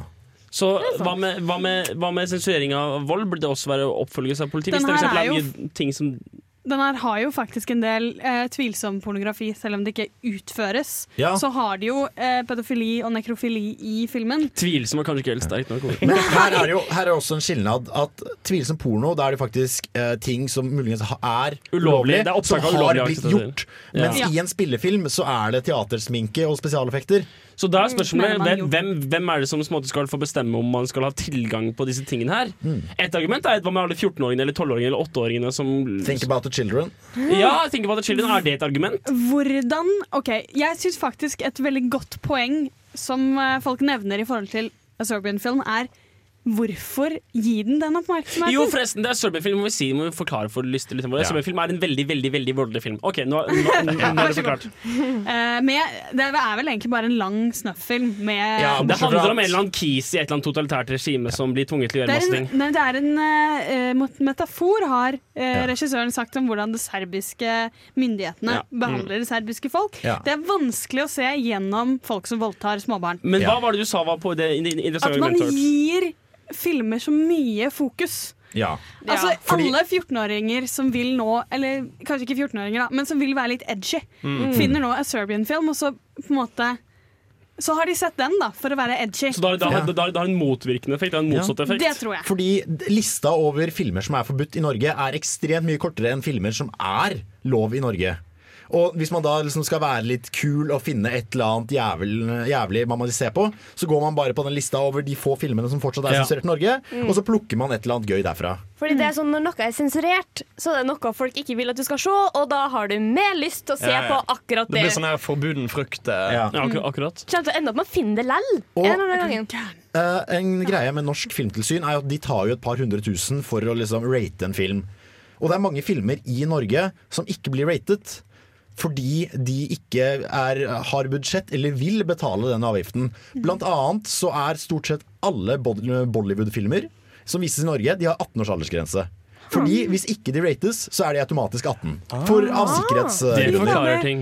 Så Utrolig lurt. du kan, ikke, du kan teknisk sett eh, liksom ikke ta med deg en 13-åring for å se en uh, dansekjærlighetsfilm Ja, for det, det har overrasket meg før. Det har overrasket meg at jeg har sett på en sånn, Å, skal vi dra og se denne Bollywood-filmen på kino? Så jeg sånn, Nei, det er 18-årsgrense. Ikke at det har skjedd meg, men det er sånn, Ja. det er sånn what? Det er 18-årsgrense? Ja, Når du tar, li- tar med lille sønnen din Johan på kino. Ja, altså Willy lille og selvfølgelig het Henrik, han også. Er det, er det, Den andre. er det, nei, det ellevte i så fall. Er det noen andre som, eh, som har eh, filmer som har overrasket dem? Filmer som liksom Herregud, tenk at den her blir sensurert? Altså, Norge er ganske konsekvent, der hvor USA har mye USA som er den vi følger, de har mye sånn seksualitet og sånn Well, there's many fart noises in this film. Mm. Så på en måte, det kan komme ut så veldig underlige ting. Men norsk sensur er veldig mye på vold, altså. Så det er liksom Ja, selvfølgelig skjønner vi at eh, Sodomas 120 dager sensureres, for det er også en ganske kjent, veldig voldelig film. Men det er en forskjell her. Det er at USA Norge har faktisk flere eh, filmer som er forbudt enn USA. At ved lov så er det ikke lov til å vise dem. USA gir bare rating, og så har du ikke lov til å reklamere for dem. og sånne ting Men du kan få tak i det, og du kan se det. Men i Norge så er jo Serbian-film og mange andre filmer som er lov i USA, forbudt fordi staten sier at dette er ikke greit. Og det medfører at man kan ikke vise dem i et offentlig space og sånn. Og det er jo litt effektivt, men da er vi tilbake på den Det har en motvirkende effektivitet av at folk tar da oppsøker dem. Uh, nei, bare leste, jeg leste en koselig historie om sensur på Mm. nettet. Var det når sensuristen traff sensurinnen? Og så? ja, nesten. Uh, I Israel så ble Jeg tror det var Goldfinger uh, forbudt. Ja. Fordi at fyren som spiller uh, skurken, uh, var tidligere enn sist. Så den var forbudt i ca. en måned. Og da kom det en fyr til jeg tror det var den israelske ambassaden i USA og kunne fortelle at under andre verdenskrig så hadde han nazisten gjemt han og hans kone fra de andre nazistene. Og dermed reddet livet deres under andre verdenskrig og under holocaust. Eh, og da ble filmen lov igjen. For da var han en helt. Jeg ser for meg en eller annen sånn Hollywood executive fant en eller annen jøde og bare Du, si dette her til eh, ambassaden. Vi, vi trenger, de, eh, trenger pengene. Det er Liksom. interessant, eh, for da, da, da antar du at produsenter på en måte påvirker filmene sine ettersom hvordan land mottar dem. Og det er veldig interessant, for Vi ser flere og flere filmer som inneholder kinesiske eller asiatiske aspekter, slik at det skal bli vist i Kina. Fordi Mm. Kina sensurerer filmer som ikke Er det ikke det sånn nå? Det er derfor, Kina har en lang liste det er, over det er derfor Bond, det er derfor Bond drar til, drar til Makai i, i, i Skyfall. Det er, at, det er slik at Kina skal bli et stort marked for den filmen. Kina har jo blitt et kjempemarked. Det er jo Transformers, den nye Transformers-filmen. spilte Er ikke de også i Asia? Ja, nettopp. Og de spilte inn mer penger i Kina enn de gjorde i USA. Så liksom Ja, Fuck, altså, fuck USA, er- Kina er det nye markedet. Så det er et tilfelle av at sensur virkelig påvirker filmmarkedet? Det er litt interessant. Det er litt aspekt vi ikke har nevnt. Kan jeg få ta en litt morsom en? Ja. Fra Nord-Korea. De, de banna 2012. Den der filmen med John Cusack, Michael, ja, Ma- fordi at det, det krasjer med Kim Second Youngs 100-årsbursdag. Når du sier second, mener du ild? Det står Kim To Sung. Så Kim Il-sung. Kim Il-sung hadde, Kim Il-sung hadde 100-årsbursdag i 2012. Så jorda kan ikke gå under da. Herregud, da er jo bursdag. Fader. Flott type. Vi skal ta og høre BJ in the Chicago Kid med Church. She say she wanna drink, do drugs and have sex. Hei! Hei! Det er ikke 90s sitcom-flashback. Ta og Skru på noe annet. Ja, bedre, men prøv igjen. Der, ja! Ahem. Filmofil presenterer ukas serie. myself a time. Friendly faces everywhere, humble folks without temptation. Going down south by Ja. ja. For de som ikke vet hva dette Vi er kan resten. Dette er South Park. Vi skal ikke bare snakke om South Park, for det har vi gjort mange ganger Ok, før. greit. Vi skal snakke om episoder, enkeltepisoder i ellers hva skal vi si, godkjente serier som har Ja. blitt sensurert. Som av for eksempel South Park. Men vi, kan, vi kan ta South Park etterpå. Jeg vil først nevne I Love Lucy. Ja. Ja, for det det, det er han som hele tiden truer med sånn domestic violence. Ja, det er jo Han, skal banke opp, han, han sier han skal banke opp kona si, og alle ler. Er det her Ja. 1951-TV-serien du snakker om? Ja, aldri, for aldri sett den ble sensurert en episode da hun skulle si at hun var gravid. Så måtte de sånn spesialskrive episoden, sånn at hun aldri skulle si gravid. For det var ikke greit at hun sier til mannen sin i serien Det, men det- det var for intimt. Fordi det, det liksom impliserer at de har hatt sex. Ja. Men, men men, Ja. liksom, Eller noen har hatt sex måtte, med henne. måtte hun komme med liksom, eh, sånn Jeg har en bolle i ovnen, jeg er med barn. Måtte hun liksom finne andre måter Var det ordet, eller var det budskapsformidlingen? Det var ordet som de måtte rundt. så Altså, det var ikke noe sånn derre Jeg må dra ut av byen i ni måneder. det var jo eh, at de bare ikke kunne si at hun var gravid. Mm. Ah. Og det- og Så av en eller annen grunn så var det sånn Ordet, det brenner. USA er jo litt spesielle på det. Altså, du har ord som du, kan, som du ikke kan lese, men som kan bruke sånn at sånn Å si 'you effing da da da da da' er greit. For det er ikke meningen bak det som er farlig. Det er det å høre selve ordet. Det er jo et par programmer på Cartoon Network for eksempel, som Ku og kylling har hatt en banna serie. Nei, en banna episode. Der eh, Ku og kylling møter en motorsykkel Eller kvinnelig motorsykkelgjeng som, dra, som bryter seg inn til husene til folk og tygger på tepper. Kan jeg få lov til å prøve å se om det jeg fant nå var riktig stikk? Kan vi høre bitte litt på det? Bare helt, helt kjapt. helt kjapt bare. Hør, hør litt. So let's talk instead about flexibility of language. Nei, det var ikke riktig stikk. Eh, dere må dra og se Beautiful Laurie. Så vi har da har vi noen gode, flere, kanskje litt mer moderne, ikke 1951-eksempler på sensur av eh, TV-episoder. Vi kan jo gå til South Park og dra det ekstremt politisk og dagsaktuelt.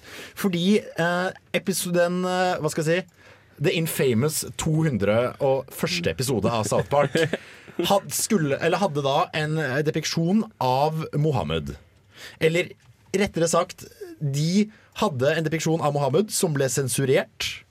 Så det var da en stor svart boks. Og Ja. så er det liksom OK, dette er, dette er Mohammed, men han er sensurert. Fordi det er ikke lov til å vise profeten. ikke sant? Ja. Så de viste da bare en svart boks og sier liksom sånn her, her er egentlig Mohammed, men han er sensurert. Og han, han sier ingenting, og han bare Han er der. Men den episoden, han- altså 200. episode, Ja. er jo hele tiden om at uh, alle som ikke har likt å være med i South Park, Ja. nå skal få lov til å komme tilbake og være med i South Park. Uh, så plottet de, Det er jo en veldig interessant episode fordi de hadde en Mohammed-episode tidligere Mm, mm. som ble veldig kontroversiell.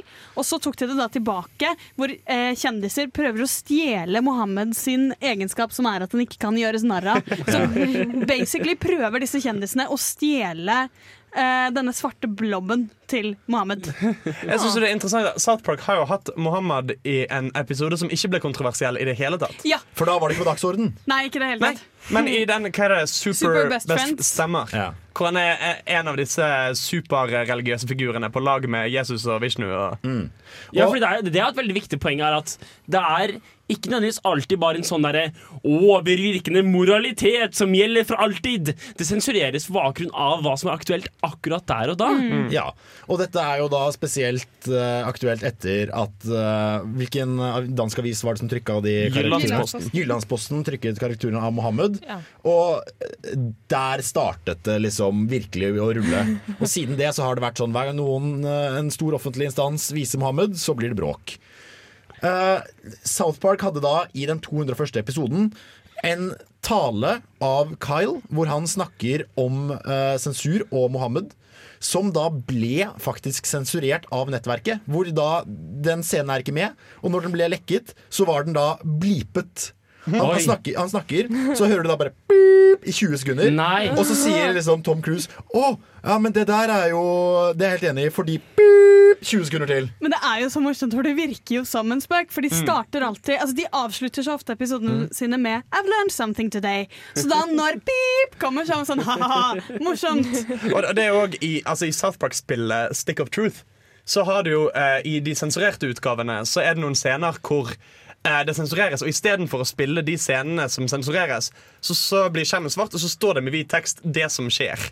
Sånn uh, Kyle proceeded to walk into the anus of Mr. Slave Ja. uh, to fight the hamster. Ja, stemmer. Så de beskriver alle de grove scenene. Og det som det vi har gjort her, er å finne det klippet som vanligvis er sensurert. Det ble lekket ut på internett. Jeg lette i 35 minutter for å klare å finne dette klippet. Fordi det var sånn ah, uh, det, det ligger her, så trykk på den siden. Det er tatt ned. Ah, men slapp av, det det er lagt på en mirror her. Så går du på der, tatt ned. Og jeg var, gjennom, jeg var gjennom fire Reddit-tråder. Alle kommentarene. Alt er borte. Til slutt fant jeg da uh, endelig en kilde som ikke var tatt ned.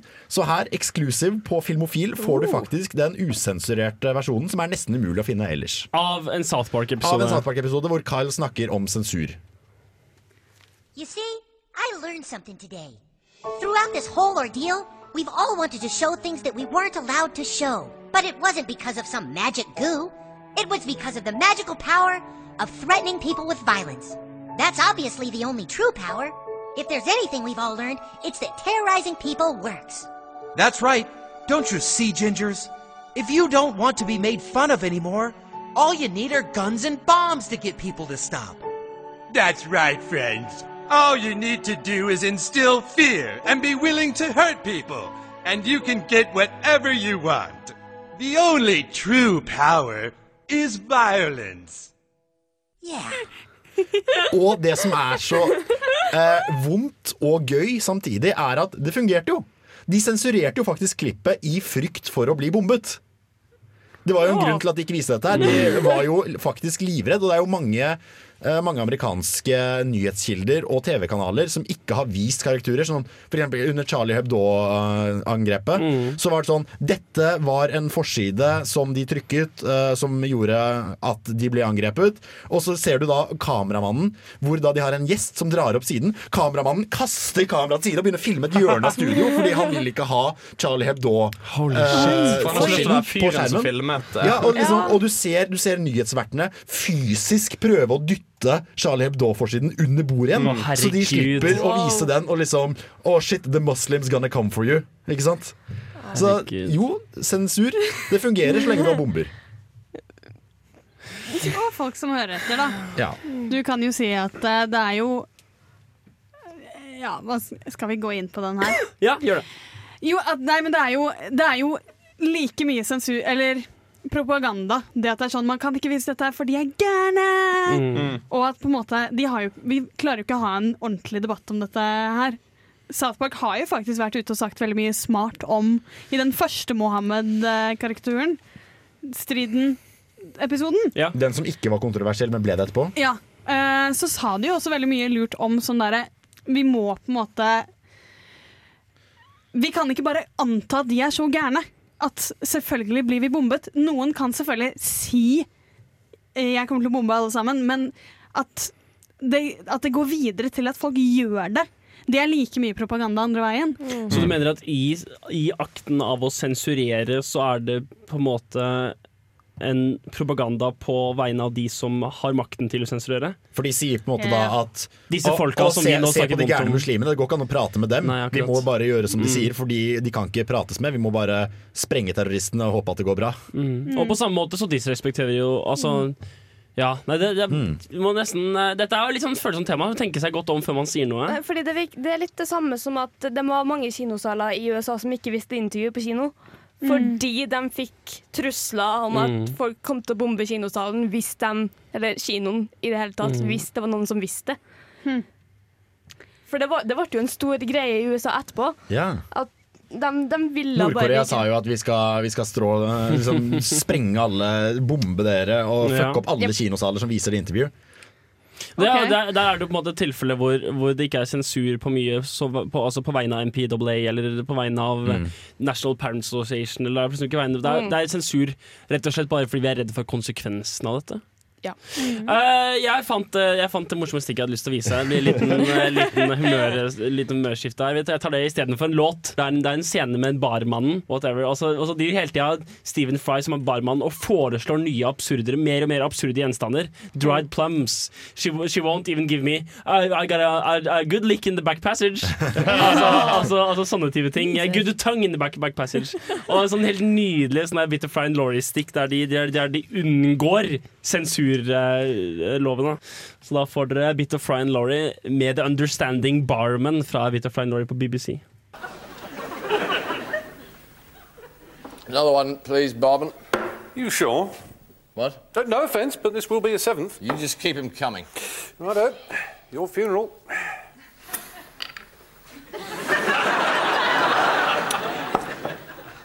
Bitch. Come again? My wife. Oh, right. She doesn't understand me. She's never understood me. What, uh, Polish or something, is she? You ever been you ever been trapped in a loveless marriage with a woman you despised? Not since I was nine. Do you like it straight up? What? Or with ice? Ice. Righto. Cocktail onion? No thanks. She takes no interest in my friends. You know? She laughs at my Peanuts? hobbies. she doesn't even value my Crinkle cut cheesy what's it? career. You know, it's just so depressing. All right, so other men have got larger Plums? salaries and better prospects, and, and other men can, can boast a healthier looking Stool? lifestyle. All right, you know, so so I, I haven't got loads of cash hanging around. You know, but why complain? Other people are worse off. I've got a job. I've got two sweet, rosy Nibbles?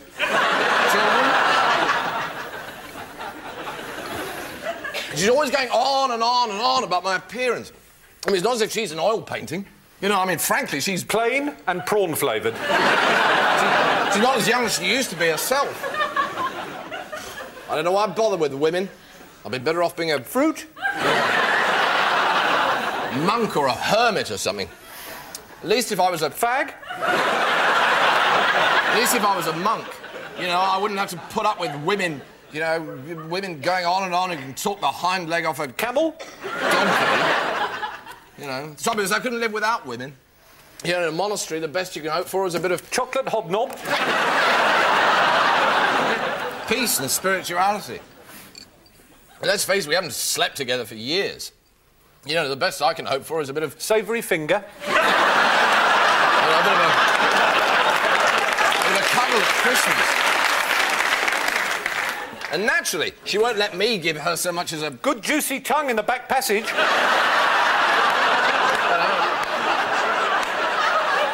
just a, a peck on the cheek.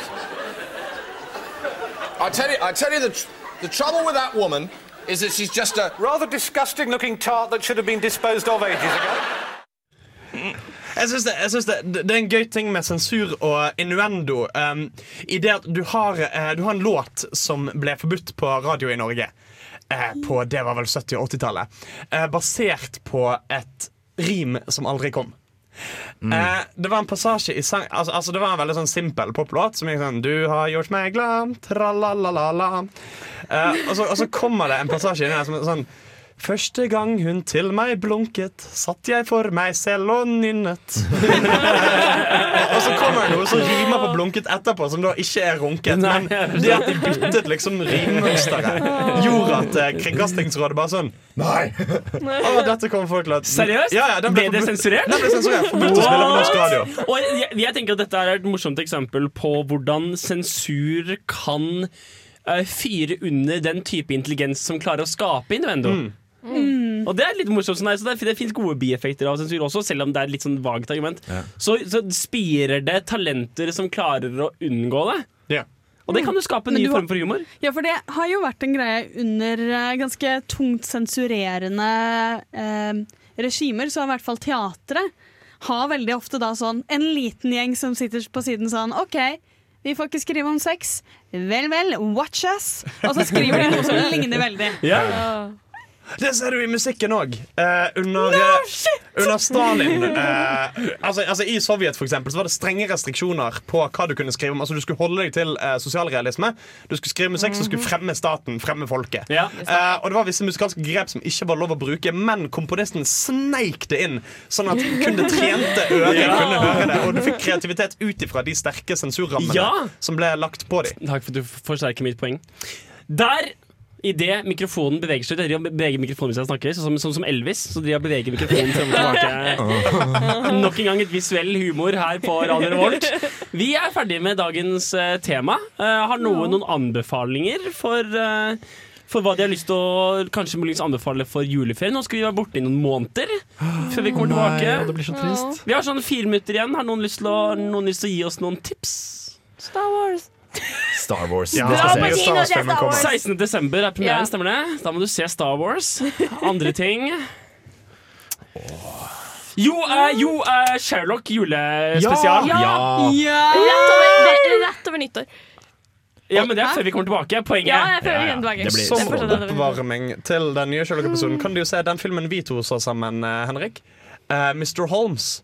Ja, Ian McKellen, som nå er ganske gammel, spiller en Sherlock Holmes som er mye eldre enn det igjen. Uh, han ser så gammel ut i den filmen at jeg måtte gå inn på nettet og sjekke at han ser ikke faktisk så gammel ut i virkeligheten. Gjør han vel? Han er haugammal. Ja, nei, han er hevgammel i denne filmen. Mm. Eh, hva hva syns du om filmen? Jeg likte den kjempegodt. Ja. Det var, det var, det var, Altså, det var en bra, bra film. Du ser tydelig at det er en Sherlock Holmes som har på en måte blitt voksen og Ja. lært seg hvordan han skal være rundt folk. Men det er ikke en klassisk Sherlock Holmes-film. det er det ikke. Er det Dr. Who-fan, se Dr. Who-julespesialen som kommer ut. Jeg gleder meg. Noen andre? Frida, har du noen Ja, jeg kom på- jeg hadde- teater vi burde se Nei, jeg beklager. jeg. Eh, jeg hadde faktisk tenkt å ha eh, et prosjekt, fordi det passer julen til å ha. Mm. Så jeg hadde egentlig tenkt å velge meg en film, og så se så mange mulige adopsjoner av samme historie. Så jeg tenkte egentlig å gå for Alice i Eventyrland. For da vet jeg at det er laget noen ganske spennende Jeg tror det var en veldig kjent surrealistisk film som jeg absolutt ikke husker hva heter. Og Alice i Eventyrland. Og dessuten så har jeg jo sett eh, pornomusikalen. Ja. Så jeg er på en måte ganske godt i gang med å ha sett rare versjoner av Alice i Eventyrland. Så det har jeg egentlig tenkt å ha som et lite prosjekt for julen.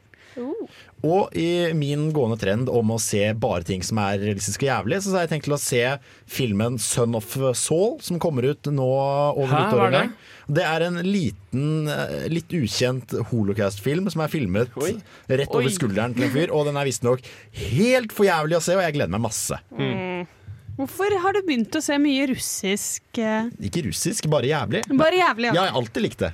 Men, ja vel. eh, Hva med, hva, med, hva, med, hva med forslag om, å, om at man skal se hele for eksempel, eh, alle filmene til um, Jim Jarmusch? Eller OK, ja, okay, vi- ok, til julen. Hvis dere skal se alle filmene til én regissør, hvilken skal det være? Hans. Å, gud. Um, OK, jeg begynner. Wesley Snyder. Hvem? Nei, beklager. Hva er det han heter, han som lager uh... Snipes?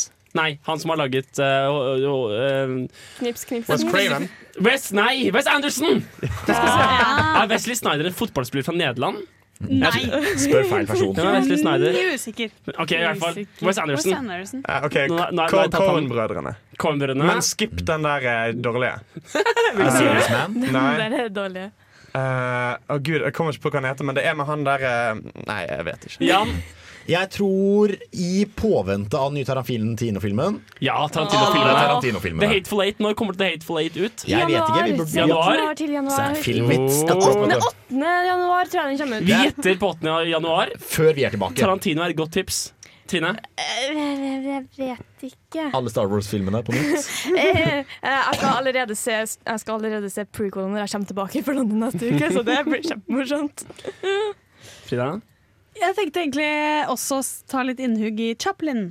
Ja! Der er, han, er regissør? Også, for jeg har ikke sett Han lagde vel filmene sine, på en måte? Ja, han gjorde det. Og jeg husker Jeg så en del kortfilmene hans da jeg gikk på videregående. De Ja. er så morsomme. Den er så fin! Kortfilm er et oversett medie, og jeg må bare si at det, altså, Vet du hva, du, korte du, du rettferdiggjør vitsen jeg åpnet med veldig nå. Den at du bare anbefaler teaterting.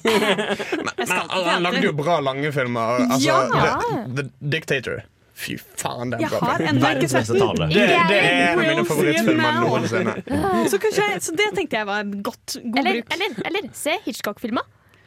Mm. Se litt Hitchcock. Se Best Off Ja, Hitchcock. se, se igjen, ja. For han er litt sånn Ikke, eh, ikke se alt. Se Ja. litt. Se Rare Window, Vertigo, Psycho. Også er selvfølgelig da David Fincher en god anbefaling hvis du skal sette deg ned og bare nyte filmkunst. Det er veldig, veldig, kompakt, uh, veldig kompakt og deilig. Alt, alt Fincher har laget, nesten alt han har laget, er deilig film. Jeg vil anbefale folk å ta en liten Seth Rogan-binge, for det kommer jo en Seth Rogan-julefilm som jeg ikke helt husker hva heter i farten. Å uh, oh, nei, jeg husker ikke. Yndlingsjulefilmer, helt kjapt før vi gir oss. Bad Santa. Den kom for fort til meg. Love Actually. Fordi Det var det du hadde å si. Jeg hadde eh, Jeg hadde jo Nightmare Before Christmas kan jeg godt ta, da. Var det noen som unnskyldte Harry Potter eh, en av Harry Potter-filmene? Nei, det er ikke, det er, ikke julefilmer. Er det? Jo, bare å se den juledelen. Det har vært kjempebra! Du klipper sammen alle Harry Potter-hjulene i alle filmene til én sånn middels lang Men, men, spillefilm. men de har jo tradisjonelt hatt rundt eh, desember-november-releaser, har ikke det? Vet ikke. Harry film, ja. Jo. Jo, de har det. Det har vært, det har vært snø, i hvert fall. Jeg tror det var én som var en sommerfilm, og så tror jeg den fikk så mye bedre seertall på ju i jula. Ja. Så jeg tror de gikk tilbake til det. Kan også selvfølgelig si Home Alone eller, mm. eller The Polar Express. Det, det er jo 25 eller- det er- Hard. det er 25-årsjubileum for Home Alone i år, så det, Kult. se Home Alone. På Polar Express kan du godt hoppe over. Det er så trist, fordi jeg Eller Die Hard. Jeg så, jeg så Polarekspressen med familien sånn mange år på rad. Og vi, liksom, vi gjorde det til en greie. da Sånn Lille julaften så sto vi opp tidlig, satt liksom i pysj og så Polarekspressen, drakk kakao. Og så, etter at jeg begynte å bli interessert i film, Så har jeg innsett at filmen suger. Og vi, har- vi har det fortsatt som en tradisjon, men det har ødelagt alt. Det er så trist. Kan du sitte og lese samtidig? Det er sånn, det er Ja. sånn bitte liten anbefalelse til Samfunnet. Samfunnet viser Flåklypa 1. desember. Å, så Så dere har sett koselig. Flåklypa? Alle må selvfølgelig se Tre nøtter til motherfuckings Askepott. Nei. Det blir Vet ikke jul uten. Jeg slutter å være venn med alle som snakker stygt om den. Trine. nei, jeg har aldri sett det. For at vi har alltid du vært skal du vel? Jeg snakker ikke dritt. Jeg så vil, bare, vil bare ikke se det. Og hun Askepott er så kul, og hun er så pen.